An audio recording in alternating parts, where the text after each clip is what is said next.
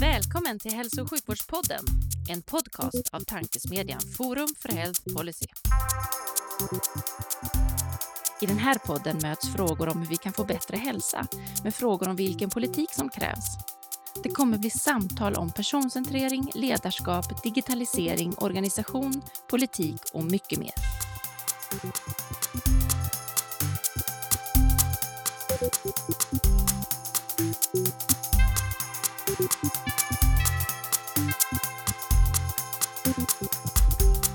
Hej och välkomna till Hälso och sjukvårdspodden, tankesmedjan Forum för Health Policys initiativ för att sprida goda idéer och tankar kring dagens och framtidens hälso och sjukvård och omsorg. Jag heter Magnus Lejelöw och arbetar i vardags för Colivia, men även styrelseledamot i Forum för Health Policy. Liksom du, Livia. Precis. Även jag som sagt styrelseledamot i Forum för Health Policy och eh, annars policychef på Kry. Grymt. Och idag har vi dessutom eh, nöjet att välkomna en stark röst för den svenska primärvården, som man kanske kan säga. Eh, vi vet en trogen poddlyssnare eh, och en, en, en person som brinner för att kommentera och fundera och diskutera kring svensk hälso och sjukvård. Varmt välkommen Magnus Röjvall. Tack så jättemycket för inbjudan. Jätteroligt att få vara med. Grymt. Eh, vi ska kasta oss in i podden eh, som vanligt. Eh, och det är vi som är glada, Magnus, eh, för att du är här. Eh, men eh, det vet du redan. hur tror du att svensk hälso och sjukvård ser ut 2040? Ja, men jätteintressant fråga och jättesvår att svara på. Men, men alltså Magnus och Olivia, innan, innan jag svarar på den frågan så skulle jag vilja faktiskt ställa en fråga till er och bryta in i podden. Så här. Jag jobbar ju som allmänläkare, det är min profession och min identitet och då måste jag få veta liksom, vilka förväntningar har ni på den här dialogen med mig? Varför bjöd ni in mig och vad vill ni prata om? Jätteviktigt i ett möte att veta vilka förväntningar som finns. Vi har ganska höga förväntningar ska jag säga, eh, både för att allmänläkaren är ju liksom en, en bred kompetensbas, men ska vi vara i grunden med den här podden så vill vi få perspektiv på svensk hälso och sjukvård från, från olika håll i systemet. Mm. Vi frågar allt från eh, liksom, alla olika professioner. Vi har farmaceuter, sjuksköterskor, läkare, fysioterapeuter. Liksom hela, utan att nämna alla så nämner jag många för att visa på att det finns många perspektiv där ute. Och sen så på den politiska sidan och på ledningssidan och patientsidan. Och du ingår i det här liksom ekosystemet med ett par olika hattar skulle jag säga. Både mm. att du jobbar för, en, en för, för Capio, eh, som ju är en intressant aktör på liksom framförallt innovationssidan. Eh, du har primärvårdshatten på dig. Mm. Eh, du pratar rätt mycket om allmänläkarens roll, vilket är viktigt. Eh, men mm. du har också kunskapsstyrningshatten från Region Stockholm som jag tänker liksom har, har sitt perspektiv också. Det är min förväntan, det. det vill säga skyhöga ja. förväntningar. På ja, men det låter ju lagom stressande och, och jättebra. Ja. Men Livia, vad har du för förväntningar på dialogen? Nej, men jag kan ju bara haka på Magnus eh, i, i det som du var inne på. Jag tycker att eh, en av, av eh, styrkorna som vi ser med den här podden i alla fall, eller det som vi får ut av samtalen med alla er som vi träffar, det är att vi får många olika perspektiv på hälso och sjukvården. Eh, och primärvården är ju ett område som står väldigt mycket i centrum nu när man pratar eh, hälso och sjukvårdspolicy framåt och hur vi behöver reformera den svenska hälso och sjukvården.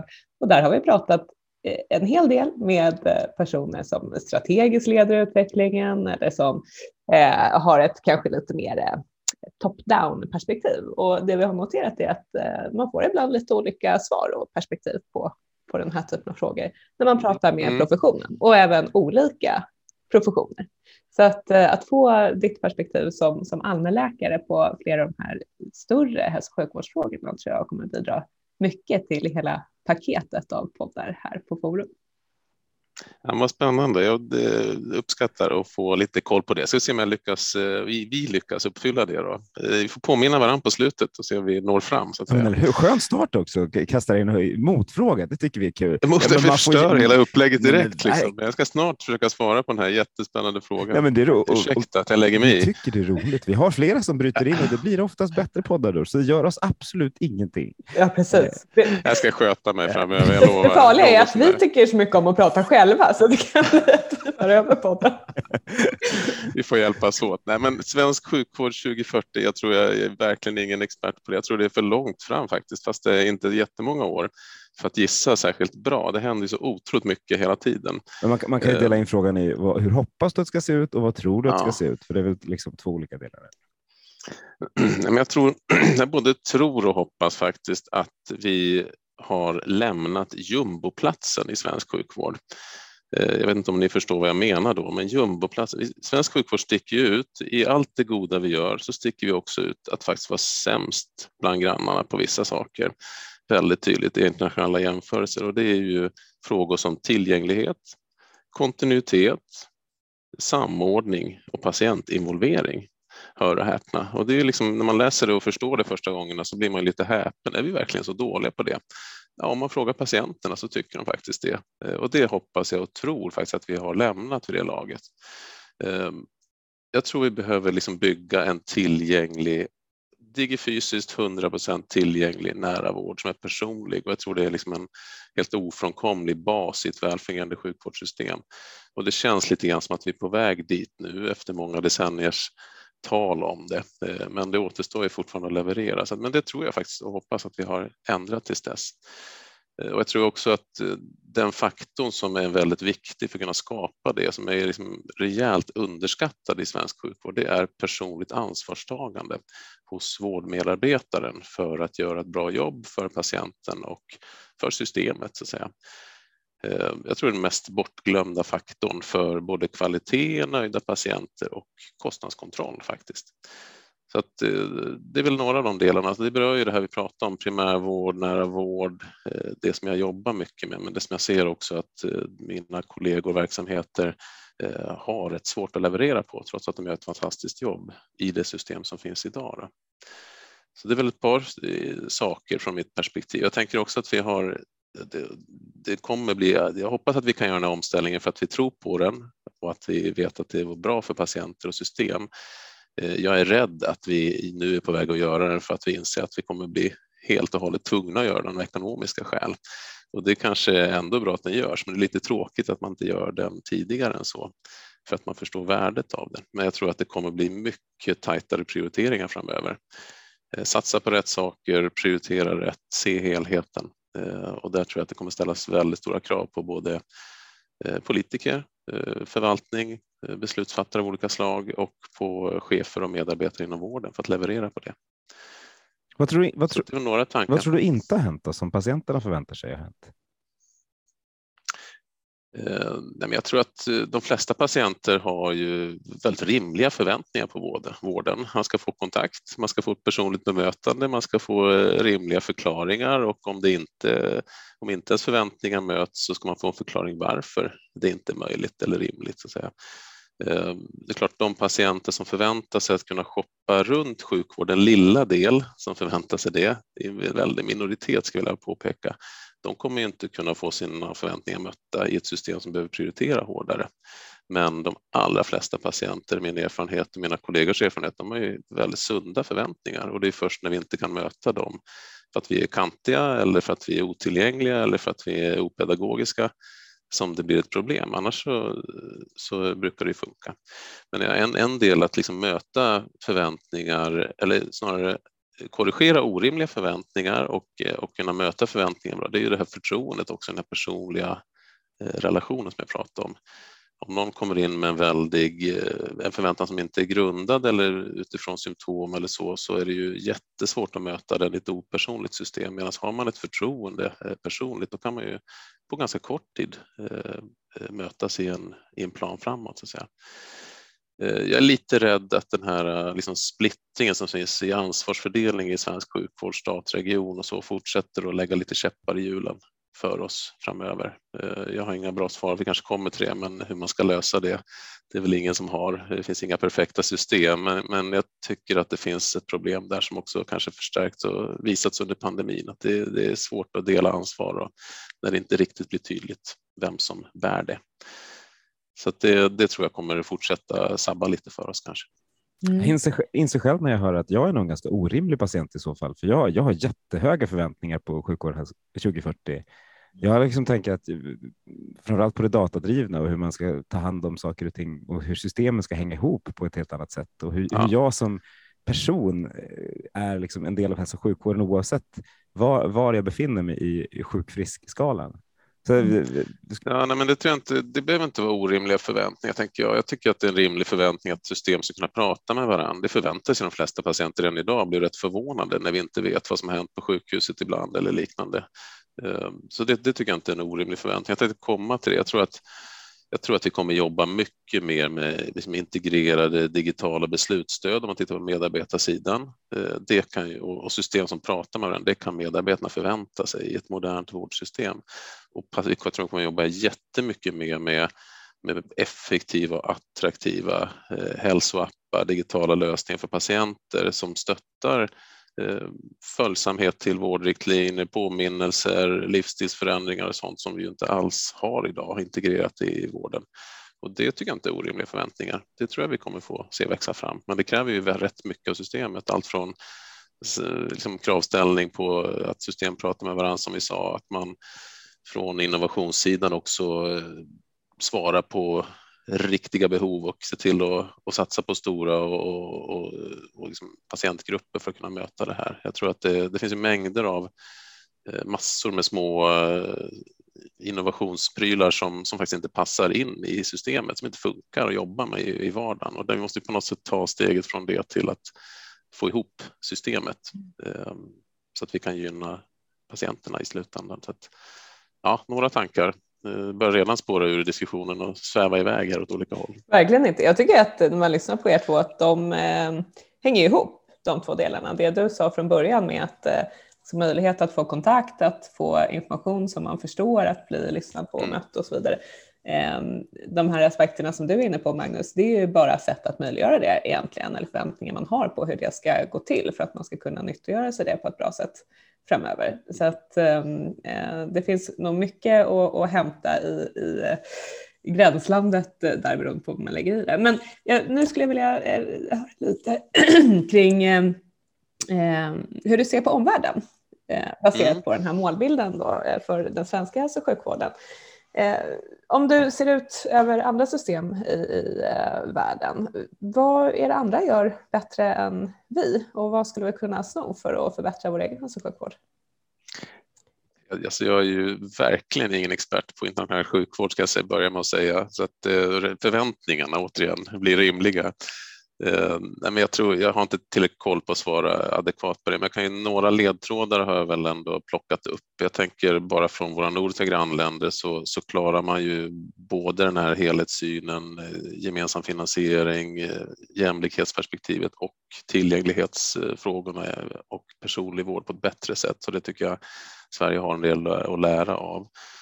Eh, Sen klart att jag tror de nordiska systemen sammantaget har en ganska bra modell. Eh, Nederländerna har diskuterats, jag kan lite för lite om det, men jag tycker det är intressant det där med obligatoriska försäkringar som en drivkraft i systemet skulle kunna vara något att titta på. Sen kan ju liksom inte gå förbi den här frågan utan att nämna Alaskas eh, primärvård, om man kallar den så.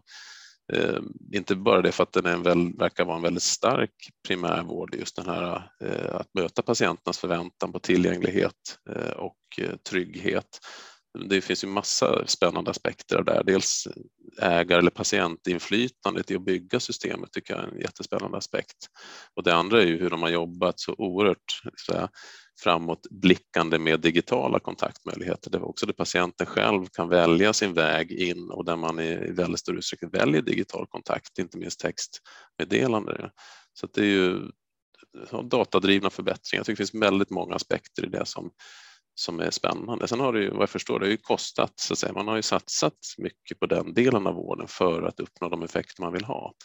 Så att även där kanske finns en del ledtrådar.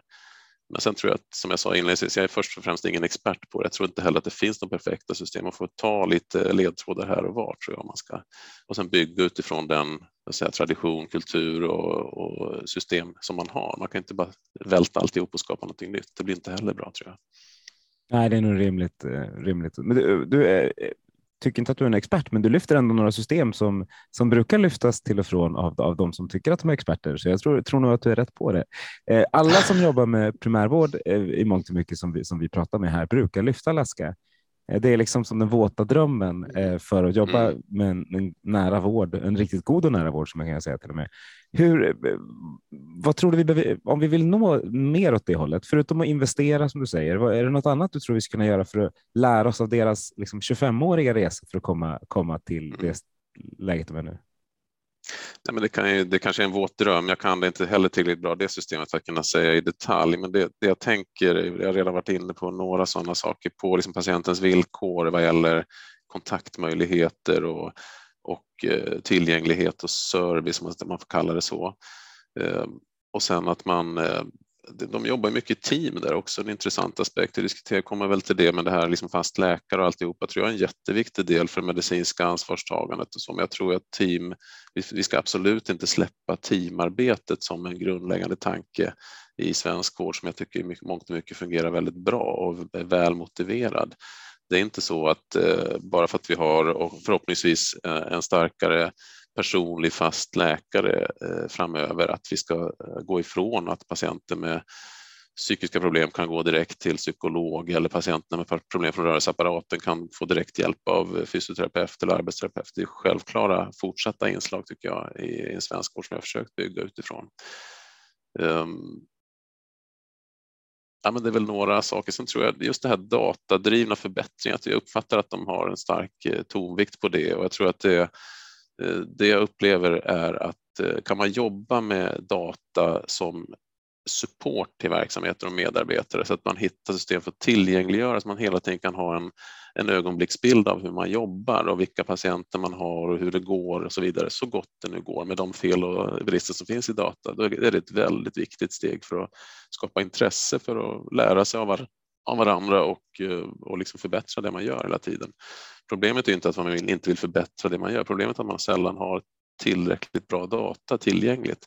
Och då när data presenteras måste det göras på ett, ett ödmjukt sätt för att det finns alltid fel och brister i data när man i jämförelser och liknande. Så det data som används onyanserat blir ju bara ett hot och som stänger ner. Medan har man data som man kan jobba med själv i verksamheten som medarbetare, då är det intressant, givande, effektivt och, och liksom ja, det, det, är ett nödvändigt inslag tror jag i framtidens vård ännu mer än vad vi gör idag. Inte liksom top-down data som lägger locket på som dömer ut utan som, som är underlag till kvalitetsdiskussionen. Det tror jag är nyckeln.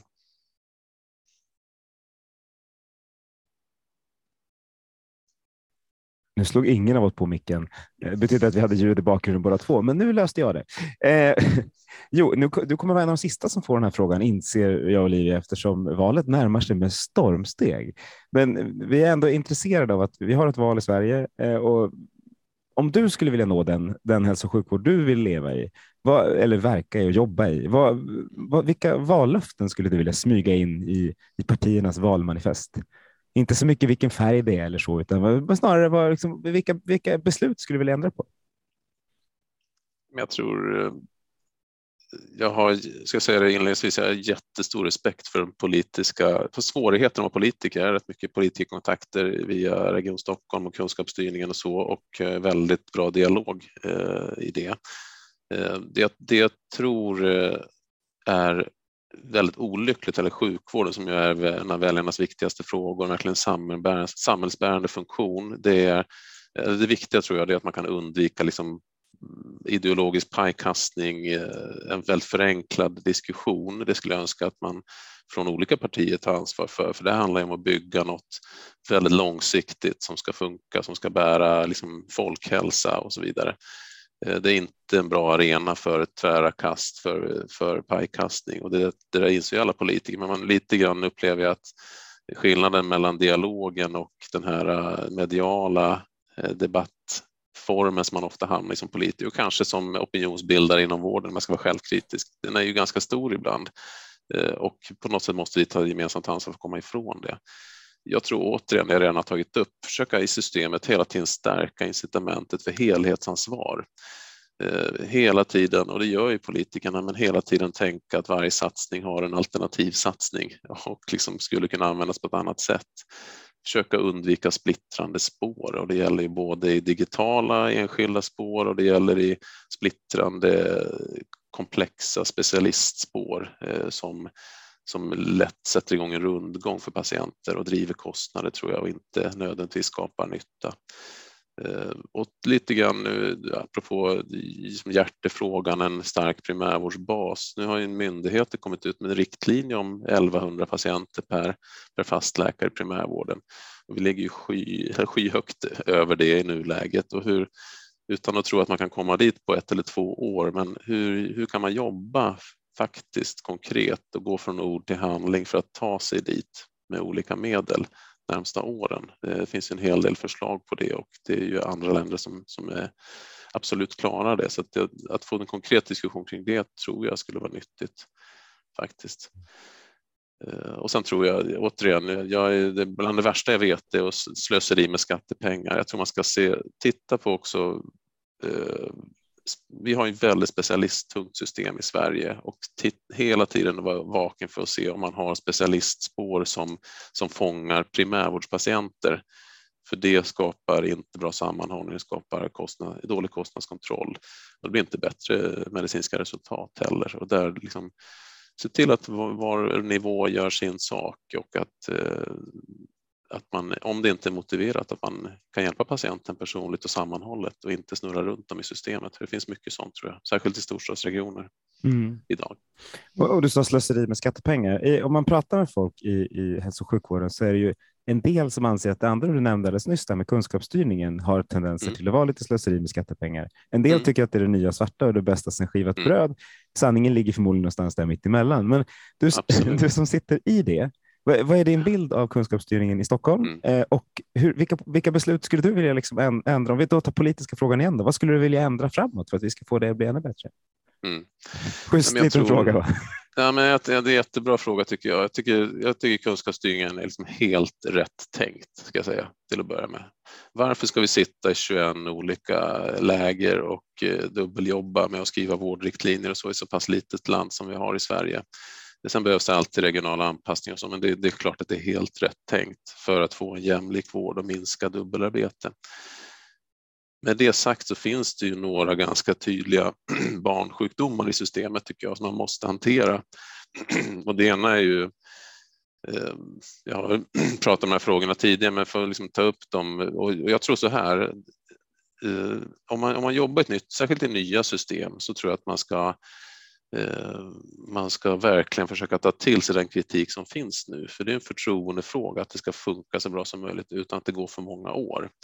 Och jag tror att en jätteviktig del är ju hur hela nomineringsförfarandet ser ut, där regionerna äger nomineringen till nationella nivån och de här sakkunniggrupperna. Och vad får det för följd? Eh, det är ju, jag kan räkna upp en, ett stort antal nationella sakkunniggrupper där patient grupperna man pratar om i huvudsak får sin hjälp i primärvården, men där det inte finns någon primärvårdsrepresentation i gruppen. Och det är klart, då blir ju de vårdriktlinjer och kunskapsstöd man producerar, det blir väldigt svårt att få dem verklighetsanpassade och primärvårdsanpassade. Så det är en stor svaghet i systemet som jag pratade om tidigare som man måste på något sätt åtgärda tror jag. Eh, det andra är ju att man har tror jag, en övertro, lite top-down på vad liksom centralt skapade vårdriktlinjer får för effekter.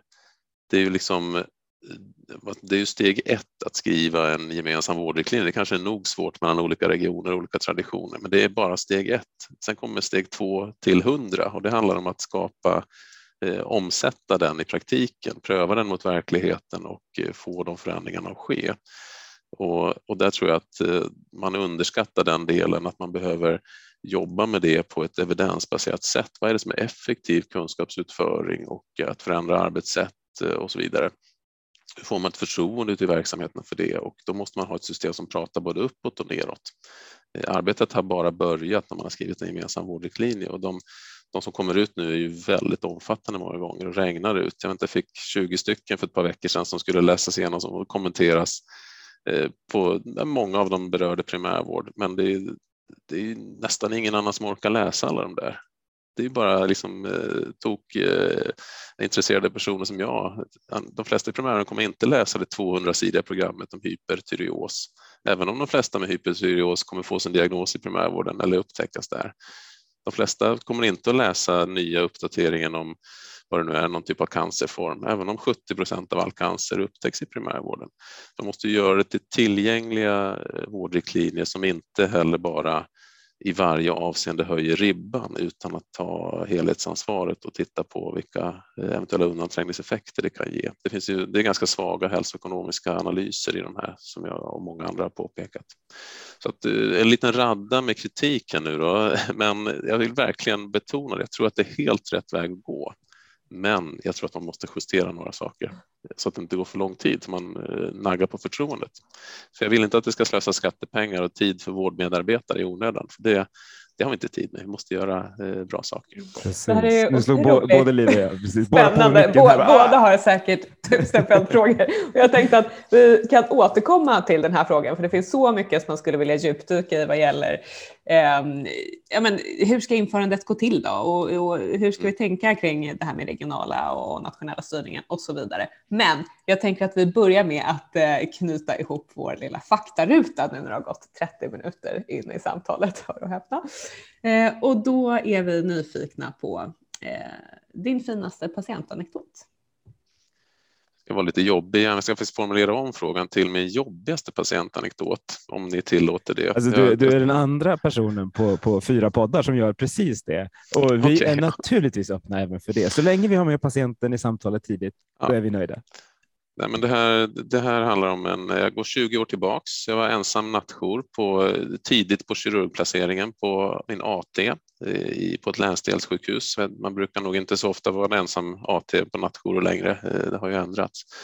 Eh, en patient som hade opererats, tagit bort en bit av tarmen på dagen och på natten får han väldigt ont i magen, en äldre man. Och jag inser att det förmodligen har börjat läcka ur den där anastomosen, man sitter ihop tarmen. Så att jag ringer upp min bakkor, sätter in dropp, smärtlindrande och sådana saker och vi kommer överens om att det nog är ett läckage av tarmen, att han kommer behöva opereras men det inte behöver göras på natten utan försöker stabilisera honom och så ska det göras på morgonen eh, när den här bakkoren kommer in. Eh, på morgonen eh, inser jag att jag har glömt att sätta in antibiotika till den här patienten, vilket ju bör göras om man får ett läckage av tarminnehåll förstås. Eh, och den här äldre mannen avlider faktiskt dagen efter. Och eh, det är alltid svårt att säga vad som ledde till vad och om, om det orsakades av det här. Men det är klart att det är en absolut en av de viktigaste åtgärderna vid den här typen av händelser, att sätta in intravenös antibiotika direkt. Och eh, varför tar jag upp den här saken? Ja, det är för att jag, jag jobbar ju rätt mycket med patientsäkerhet och stötta verksamheter i det i primärvården idag. Och det, det som hände sen är ju ett exempel på hur jag inte vill att det ska vara. Eh, när sådana här saker händer för att vi ska kunna undvika att det händer, nämligen att det liksom viftades bort. I övrigt en jättetrevlig kirurg och överläkare som, som väl gjorde det för min skull, för att trösta mig på något sätt. Men eh, så vitt jag vet så blev det ingen stor avvikelse kring det här. Eh, det diskuterades inte i läkargruppen. Man såg inte över rutiner, hur man skulle göra för att undvika det om det fanns något som kunde gjorts annorlunda det vill jag verkligen undvika, det sättet att hantera det när jag jobbar med patientsäkerhet med, med våra vårdcentraler idag. Vi måste skapa liksom en patientsäkerhetskultur som, som gynnar öppna diskussioner, att lyfta fram fel, för fel kommer liksom begås om och om igen i en högriskverksamhet som sjukvård.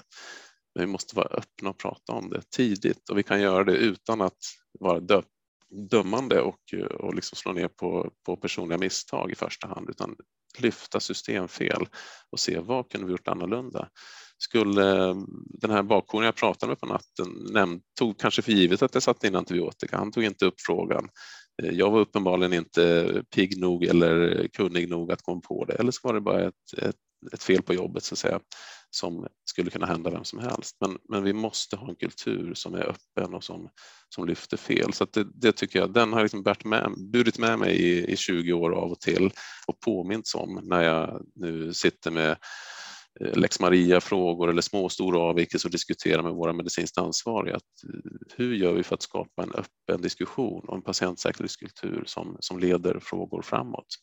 Även om misstag kommer att förekomma. Så att Eh, en, en väldigt jobbig patientanekdot, inte minst för patienten förstås som inte överlevde och jag vet inte om jag hade situationen sett annorlunda ut. Han var gammal och sjuk men, men eh, och lite grann tankar hur, hur stöttar man en medarbetare när sånt här händer så att man kan få till det här lärandet utan att liksom vifta bort. Det tror jag är en jätteviktig fråga för hela vården. Fint att du delar naturligtvis. Det är liksom skitjobbigt och det har ju hänt. Det händer ju alla som jobbar nära patienter att man gör någonting som inte blir rätt och så får det olika typer av konsekvenser. Eh, själv blir jag ju helt mörkrädd när du, om jag slår ihop dina två sista svar här med ett 200-sidigt pdf-dokument om hypertyreos. Om man då ska mm. fundera på, det är klart att det finns saker man kan göra fel där som du inte kommer att se för du, har, mm. du kommer inte att kunna läsa de där 200 sidorna. Nej. Och då, det kommer att komma in nya uppdateringar som kommer att ta flera år att uppdatera för att det just är 200 sidor som ska uppdateras. Mm. Mm. Det, det, det, känns inte som vi kanske har lärt oss så mycket i 20, 20 år på hur vi ska styra och hjälpa till där. Ja, men det finns ju mycket i systemet. Den här saken eh, när, när nästa AT-läkare glömmer att sätta in antibiotikan, då ska ju eh, någonting i systemet larma helt enkelt. Eh, eller med, andra medarbetare larma. Sjuksköterskan, undersköterskan på avdelningen märker att något saknas, att vi hjälps åt att larma. Men också vi behöver mycket bättre digitala beslutsstöd som larmar, för det är så många sådana här fallgropar hela tiden. Det är otroligt komplex verksamhet vi jobbar i och det missar saker hela tiden. Även om vi har en av världens bästa sjukvårdssystem alla utfall och så, så är det ju jättemycket som vi kan behöva och få bättre hjälp av systemen i. Att det är ju, jag läste någon bok om det där med, med liksom effektivitet i vården och ledarskap i vården. Vi har ju fantastiska medarbetare i svensk sjukvård. Otroligt välutbildade, hårt arbetande, ibland i orättvisa förhållanden. Men vi har ju usla processer många gånger och dåliga system som, som ibland skälper snarare än hjälper. Så där behöver vi lägga ett stort fokus framöver tror jag. Verkligen.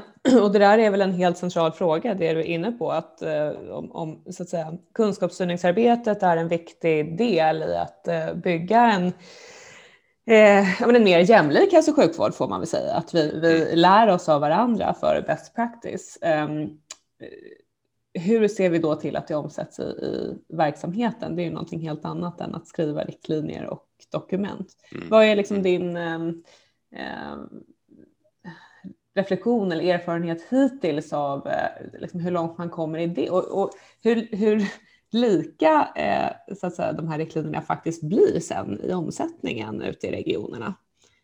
Har man... Jag har inte tillräcklig överblick över andra regioner kan jag säga, mm. men jag tror att det, det kan säkert fungera ganska bra. Det som händer nu på grund av de här lite barnsjukdomar jag nämnde är att vi får liksom kompensera lite för det på regional nivå. Jag ska säga att jag är jättetacksam för hur vi har tillåtits tillsammans med Region Stockholm bygga det i Stockholm mm. med eh, ett fast nätverk av primärvårdsrepresentanter i samtliga regionala sakkunniggrupper med liksom en, eh, det som det kallas RPO primärvård och sakkunniggruppen för primärvård Stockholm-Gotland som ett, som ett tätt bollplank eh, med regionen där vi försöker knyta ihop avtalsfrågor, kunskapsstyrningsfrågor och så där så att det inte blir skilda spår när det är möjligt, men samtidigt med respekt för de olika rollerna. Så det, det, måste jag säga att det, det, har, det är ju ett sätt som jag tror är nödvändigt att, att håll, få till på nationell nivå på ett eller annat sätt. Men jag tror att det, vi kompenserar hyggligt för det i Stockholm. Men det är klart det blir väldigt arbetsamt. Vi har ju sagt att till regionen och till vårdgivare och till hela sakkunnigstrukturen, allt som berör primärvård vill vi få upp på vårt bord. Mm och nästan allt berör ju primärvård så det blir väldigt mycket frågor men det är också väldigt spännande. Mm. Eh, och, någon typ av, och en del kan vi prioritera ner och säga att det här kör, kör på bara och andra saker säger att nej, men det, här, det här är inte första fokus nu. Vi behöver ägna oss åt några andra saker i första hand som, som situationen ser ut. Så det handlar om att sätta en prioritering och sätta agendan och just prioriteringen mellan de här eh, jättemånga vårdförlopp och sånt, den, den prioriteringen finns ju inte riktigt i systemet utan det är lite stuprörsbetonat som vården i övrigt. Stuprör är ett av de ord vi nämner oftast i den här podden, så det låter, låter som ett bra... Eh, Välbekant. Eh, exakt. Och det är flera ställen än vården som är stuprörsformade. Det är, ganska, det är ganska mänskligt att hamna där, men vi får jobba för att överbrygga dem på ett så bra sätt som möjligt. Eh, Liv jag tenderar till att fortsätta fråga på, på faktaruta-frågorna för att det finns mycket spännande saker vi tar del av. Men vi tänkte för våra lyssnares skull så här 35 minuter in i podden kanske vi ska eh, berätta lite mer om dig. Och vi tänkte, mm. tänkte lämna över det till dig. Vem, vem är du? Eh, för nu har vi pratat lite om det ändå eftersom vi lade i förväntningar. Men kan du inte berätta lite mer om, om, om vad du gör och hur du hamnade där? Mm. Nej, men jag, jag, jag ägnar mig mestadels av min tid till att vara något som heter regional medicinsk chef i Stockholm, i Stockholm norr, Capio närsjukvård. Och då, vad innebär det då? Det är ju en inte en jättevanlig roll, så jag förklarar lite grann. Men det är, vi har 19 verksamheter, primärvårdsverksamheter, vårdcentraler, barnmorskemottagningar, eh, lite rehab, eh, eh, barnavårdscentraler. Och min roll blir ju mycket chefsstöd, eh, stöd till medicinskt ansvarig läkare i verksamhetsutveckling, i patientsäkerhetsfrågor. Eh, bygger mycket nätverk för att sprida goda exempel. Och både liksom, eh, primärvårdsenheter är ju små enheter utspridda och en del sitter ju ensamma i sin profession. Alla jobbar med ungefär samma frågor så det finns ett stort behov av ett gemensamt lärande och att inspirera och tipsa varann. Sen är förutsättningarna väldigt olika så det är inte så att man kan kopiera lösningar från olika håll utan det är, jobbar man i ett område med nästan bara icke svensktalande eller jobbar man på Östermalm så blir ju vissa saker väldigt olika. Men, men andra saker kan man sprida. Vi har ju många vårdcentraler så det finns alltid saker att plocka upp från andra håll. Eh, patientsäkerhetsfrågor har jag nämnt som sagt och vi har ju samarbete med övriga Capio närsjukvård i resten av landet, eh, över 100 enheter så att eh, det finns liksom- mycket lärande, fortbildning och så som vi jobbar med tillsammans. Då. Och sen som sagt så jobbar jag i den här RPO Stockholm Gotland, regionalt programområde inom kunskapsstyrning. Där jag är ordförande för Stockholm Gotland och primärvårdsdelen. Eh, otroligt spännande jobb. Eh, jättehedrande att få vara ordförande för den här gruppen och försöka liksom Eh, omsätta all den kompetens och eh, konstruktivitet som finns i den här gruppen. Jag har sagt det till regionen en gång, ni kommer aldrig hitta en sån här konstruktiv och kompetent grupp som, som vill bidra till helhetssyn, spara kostnader och eh, få bra utfall för både region och patient. Så att, men det tycker jag också man tar väldigt mycket vara på i regionen som sagt. Väldigt tacksam för det. Ehm, Ja, det är väl det jag jobbar med eh, i huvudsak. Jag har alltid varit väldigt systemintresserad och, liksom, eh, och tycker jag får ett eh, oförskämt bra utlopp för det i de här olika rollerna och jättekul att jobba tillsammans med så många drivna människor i både Capio-verksamheten och kunskapsstyrningen. Och hur går man då om man sitter som nyutexad läkare och vill bli primärvårdschef i, i Stockholm? Vad, vad, gör man då? då? Hur, hur har resan varit dit? Ja, precis. Jag, jag, jag ska säga, vara tydlig med, jag är inte linjechef. Jag jobbar tätt tillsammans med en regionchef som är liksom chef för, för verksamhetscheferna. Och de, så, att, så jag är inte det ledaransvaret eh, i linjechefskap. Det var jag som var lite som sa fel. Jag, jag, jag, jag vet att du inte är det. Du sa ju att ja, du var regional medicinsk chef, men jag var otydlig. Uh, jag har otrolig respekt för dem som jobbar med som verksamhetschefer och, och var regionchef och så vidare. Eh, det, det är andra utmaningar där också. Nej, men jag, jag jobb, gjorde AT som sagt. Jag kom vidare trots den här incidenten som, som jag bär med mig eh, och säkert fler än så som jag inte känner till. Jag jobbade ett och ett halvt, två år inom internmedicin först. Eh, alltid varit tilltalad lite generalistspåret och det är liksom sjukhusets, kanske ett av sjukhusens generalistspår. Eh, blev lite nervös när jag skulle tvingas välja organ där och när man skulle in i ST och så. Så jag, då kände jag väl, och även tidigare, att jag ska prova allmänmedicin. Eh, jag tyckte det var lika roligt eh, under AT. Sen jobbade jag som det ute i Gustavsberg utanför Stockholm, var ST-distriktsläkare där och jobbade några år som enhetschef läkarchef för den här, det är ju Sveriges största vårdcentral faktiskt, en ganska stor primärvårdsindustri, mycket som funkar väldigt bra stor forskningsverksamhet, inte minst inom psykisk hälsa. Vi hade ett tajt samarbete med den stora psykologgruppen där och eh, väldigt välfungerande läkarmottagning. Så, så där fick jag väl jobba en del med just linjeledarskapet, men, men under tacksamma förutsättningar. Eh, och sen kände jag att det var dags för något nytt för kanske fem år sedan och då sökte jag mig till eh, Capio närsjukvård och eh, jobbade lite kliniskt först som distriktsläkare och sen öppnades en möjlighet till att jobba i den här rollen. Då. Eh, och sen sista åren när jag fått till det här RPO och kunskapsstyrningsrollen så jobbar jag inte kliniskt längre utan ägnar min tid helt åt det här. Så att det har växlat lite successivt. Och det är ju Sveriges största vårdcentral. Det är ju liksom som ett, höll på att säga, ett mindre landskap. Det är ju att ta i, men eh, vad är det? 30 000 30 000 drygt tror jag listade patienter. Ja. Det är som ett eget ekosystem där ute. Hur, vad har du tagit med dig av det då, när du när du går liksom, när, när, du mer tittar på en, en mer regional liksom, roll och försöker få mm. ihop Capus struktur? Jag tror att det, det, finns, det finns vissa saker som är stora fördelar med att ha ett större system, man har mindre sårbarhet, man kan bygga utveckling, det blir en väldig kraft i det när man är stor. Sen finns det ju andra saker som är mer utmanande och nackdelar. Det är inte säkert att det är optimalt att vara så stora. Det, det, blir väldigt mycket samordning, väldigt mycket att försöka jobba för, för tydliga processer och flöden så att man Annars blir det ju ett kaos i ett, ett alltför stort system. Eh, jag tycker just utvecklingsbiten, oavsett om man jobbar på mindre eller större enheter, så för att få till den så tror jag att man behöver få till en större kraft. Eh, och det är väl eh, en del, kanske delvis i kunskapsstyrningen. Vi jobbar mycket tillsammans med Akademiskt primärvårdscentrum i Stockholm och det är också ett försök att samla forskningskraft, utvecklingskraft, fortbildningskraft och så vidare. Och där primärvårdens eh, akilleshäl är ju att man är små enheter samtidigt som det blir personligt och och ofta välfungerande så, så blir det sårbart och man blir väldigt mycket i liksom vardagsdriften. Så där behöver man hitta andra system om man jobbar på mindre enheter att, att få till de delarna tror jag. Eh, ja. Det jag inte nämnde var, jag satt ju med i läkemedelskommittén i rätt många, ett antal år i Stockholm också. Eh, så det, det har jag väl med mig. Det kanske var en väg in till kunskapsstyrning att jag kände personer där som såg att jag brann för de här frågorna. Eh, en sak som du var inne på redan i inledningen faktiskt, första frågan, det var ju eh, god och nära vård. Eller mm. du uttryckte det som eh, att det du hoppas att vi rör oss mot nu är en digifysisk nära vård med hög tillgänglighet. Hur mm. ser en sån ut?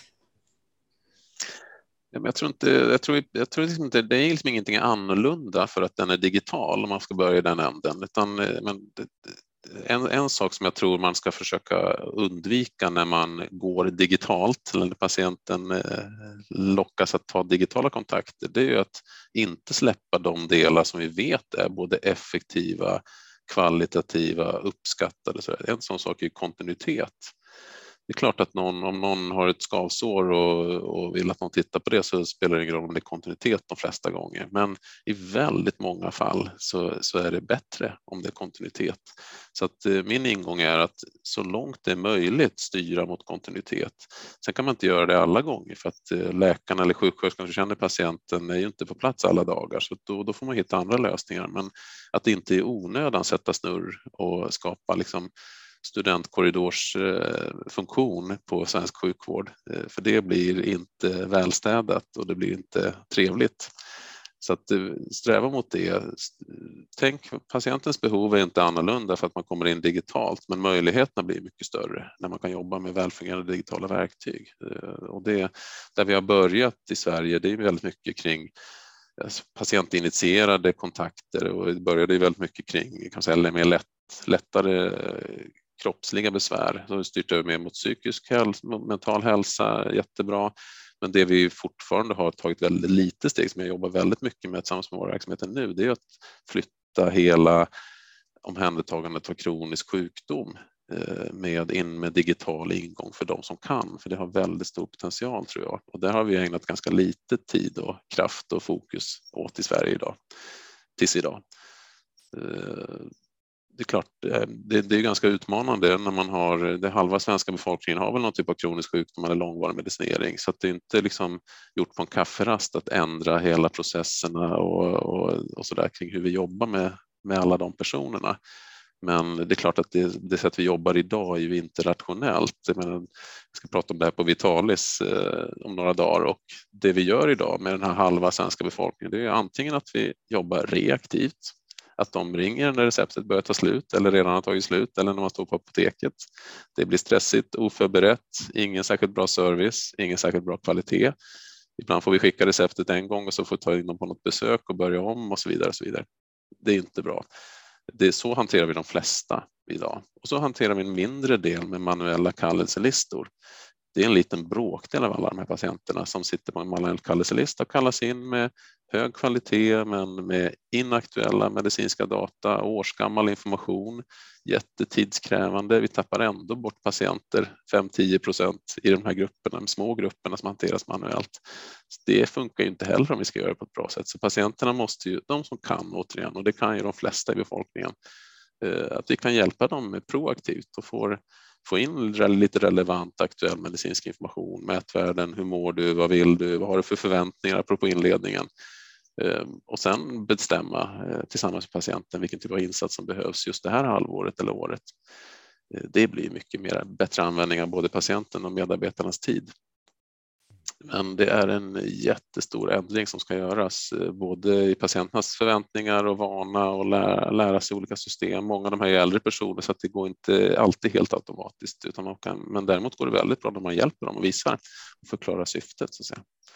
Sen är det medarbetarna som behöver känna ett förtroende att de här förändringarna. Man jobbar mer eh, utanför sin egen liksom, tidbok med en radda av bokade besök så måste ju samspelet mellan ledare och medarbetare funka så att man har ett förtroende, att man får möjlighet att göra det på ett bra sätt, att det inte läggs ovanpå ett traditionellt arbetssätt.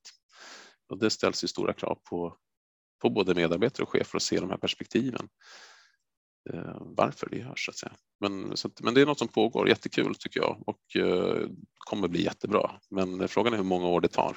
Se, ja, vi kommer vara där 2040, det är jag helt övertygad om. Eh, kanske inte om fem år, men våra mest framåtlutade verksamheter kommer vara där om fem år och ställt om det mesta av det här. Du nämnde Vitalis, som är, för er som då undrar när vi spelar in den här podden så är det dagen efter att Färjestad vann SM-guld, så jag är skitglad.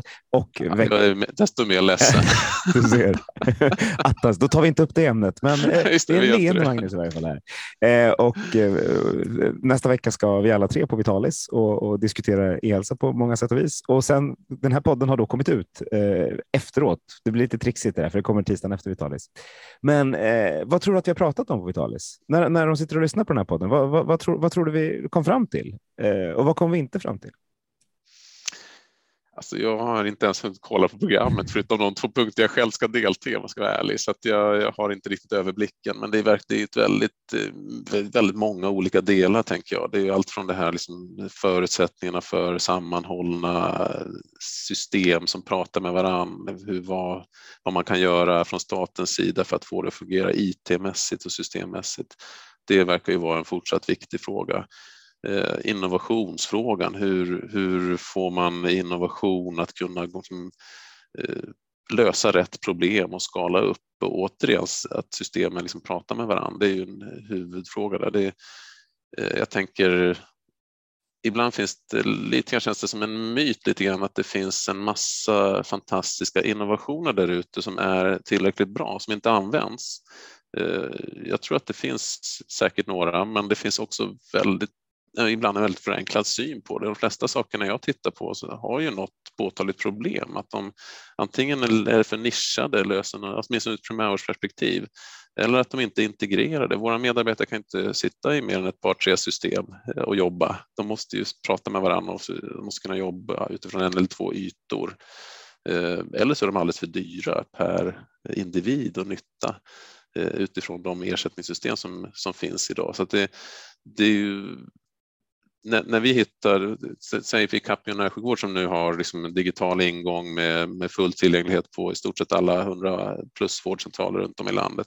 När, det, när den plattformen var tillräckligt bra, då ruschade den ut på något år på alla de här vårdcentralerna. Ett par år innan så var den inte tillräckligt bra och då gjordes ett försök och då fick man ju bromsa mm. för att det fyllde inte behoven så att säga, eller det, det motsvarade inte förväntningarna. Så att, eh, bra grejer säljer tror jag, men det måste liksom funka både för patient, medarbetare och samhälle och eh, inte skapa en massa olika bevakningsytor för medarbetarna. Mm. Eh, så, att, så det kanske vi har pratat en del om. Sen ser jag fram emot att pra, prata eh, fritt och med en massa engagerade personer som ser att vi behöver förändra svensk sjukvård och hur vi kan göra det på ett klokt sätt med digitala verktyg. Mm. Jag tror det finns jättemycket att göra där, jättemycket. Hur viktigt tror du att det är, för precis som du var inne på så kommer nog på Vitalis lär vi beröra en hel del kring systemfrågor, datadelning, Eh, hur ska de hänga ihop alla de här olika verktygen för både invånare, mm. medarbetare och så vidare. Hur viktigt eh, är det, tror du, att Capio då till exempel har möjlighet att, att uh, utveckla ett system som, som ni så att säga har mer, mer eller mindre kontroll över i er verksamhetsutveckling? Hade det fungerat lika bra om eh, det var ett regiongemensamt system som, som liksom ni blev tilldelade, eller man ska säga. Och hur ser du på den här mångfalden versus mm. ett eh, system i en enskild region eller som delas av några stycken regioner? Jätteviktig fråga. Jag tänker att eh, liksom, erfarenheterna förskräcker ju när man låser in i, i, i stora system. Det, oftast brukar det inte bli bra, det kan man säga inledningsvis. Så samtidigt som det är en jättefördel för både patienter och, och sjukvården i stort om man kan jobba med system som är, som är gemensamma eller som pratar med varandra.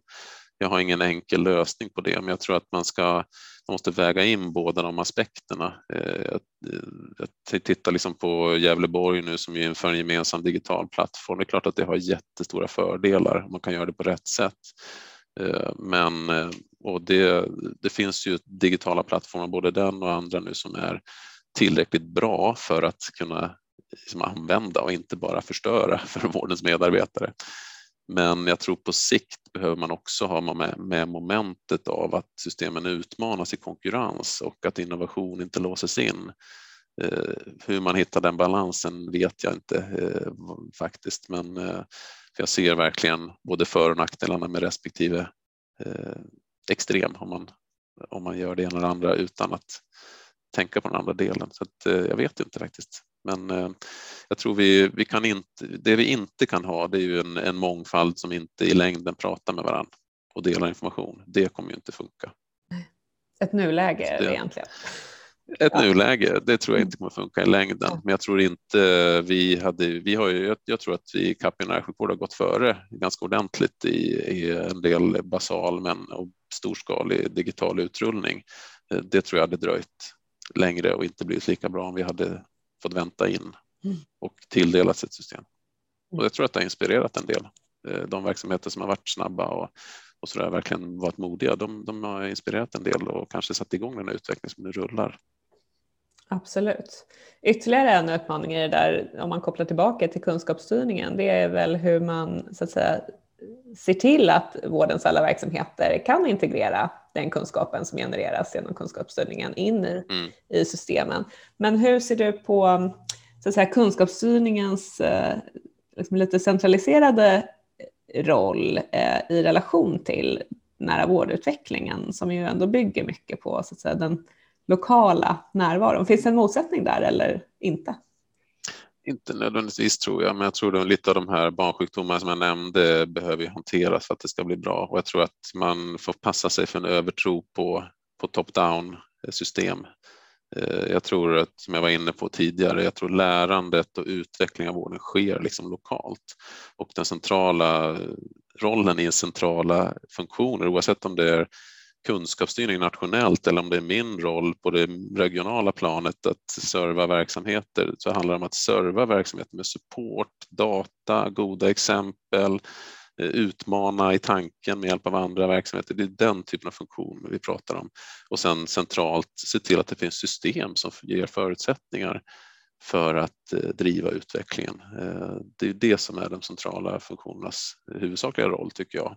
Inte att liksom styr, kunskapsstyrning är ett olyckligt begrepp. Men jag brukar säga att det är bättre att styra med kunskap eller styra med tyckande. Liksom. Och då kanske man förstår att det ändå är avsikten med det. Men det, det handlar inte om styrning som jag ser det. Det funkar inte med styrning eh, på det sättet man ska utveckla kvalitet i en komplex vårdverksamhet. Utan eh, så fort man försöker styra så blir det ju tokigt. Liksom. Man styra på kvalitet, alltså man, det, det är jättesvårt, särskilt i primärvården som har ju tusentals indikatorer som visar om det är kvalitet eller snarare ger ledtrådar om det är kvalitet eller inte. När man skrapar på ytan så är det inte alls säkert att det är kvalitet ändå eller tvärtom, att något som ser dåligt ut är dåligt. Det, det krävs en lokal analys och ett intresse och engagemang för att jobba med det. Så det får man väl se upp med, tänker jag. Eh, det kan bli motsättning, men det behöver inte vara det.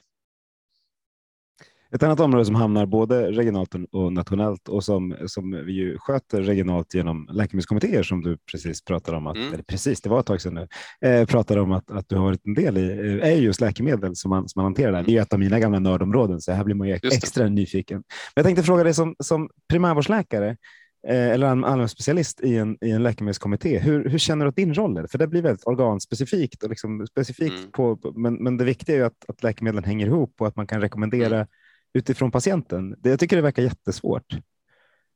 Jag tycker det funkade ganska bra den modellen som vi då hade. Jag tar Stockholm nu, kanske ser olika ut på olika ställen, men vi hade 21 expertgrupper med ibland med primärvårdsrepresentation i dem, eh, ibland inte beroende på vad det var och sen eh, som kom med olika rekommendationer och så som sen då diskuterades och beslutades eller inte beslutades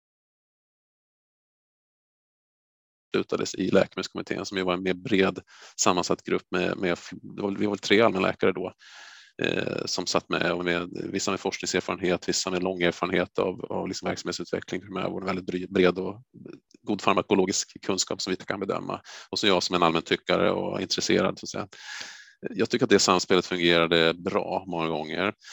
Eh, det som eh, det som ibland blir utmaningen, och det gäller väl vården i stort och kunskapsstyrning och läkemedelskommitté, det är ju att vi har lite olika perspektiv och vi behöver försöka tillsammans se helheten.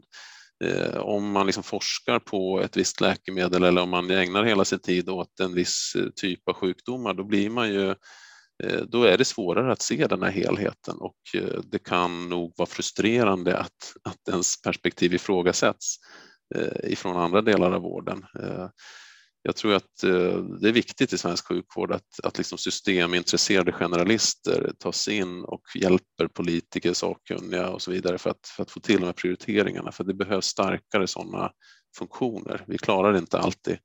En annan fråga som jag jättegärna skulle vilja ta upp, eh, men kanske inte prata hela dagen om, men det är ju eh, hur oerhört viktigt det är med en, en stringent jävsprövning när man pratar om, alltså det, jag, jag har ibland sagt, liksom, ska vi ha life science eller ska vi ha death science?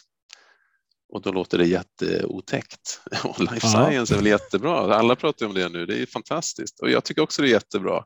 Men samarbeten mellan liksom, eh, vården, olika intressenter, om det är läkemedelsföretag som gör ett fantastiskt jobb eller om det är någon som driver en, skapar medtech-lösningar och skickar ut appar och säljer dem allt det samarbetet som behövs och är jättebra måste ju sen när det liksom ska beslutas, prioriteras, eh, förmånsbestämmas, komma in på kloka listan eller inte, satsas på eller inte. I det skedet måste vi ha en jävsprövad och ojävig sakkunnig bedömning. Annars kommer vi slösa pengar på fel saker och det kommer drabba patienten i slutändan. Så det måste vara både och. Liksom.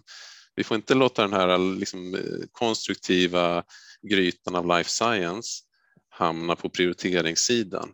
Då kommer vi tappa det. Så att säga. Och, det tror jag är en jätteviktig distinktion. Håller med fullt ut. Jävsfrågan är mm. sjukt viktig och samtidigt så är vi uppdelade i 21 regioner. Om man, om man går till en lite mindre region, då finns det bara en expert mm. som, som ju då både behöver bistå på life, eller behöver, men där det, där det är positivt för systemet att man mm. bistår mm. för liksom life science-industrin och för andra, men också mm. blir då riskerar en jävsproblematik. Så det, det, är sjukt svårt om vi ska ha 21 eh, läkemedelskommittéer om man ska få ihop det där ändå.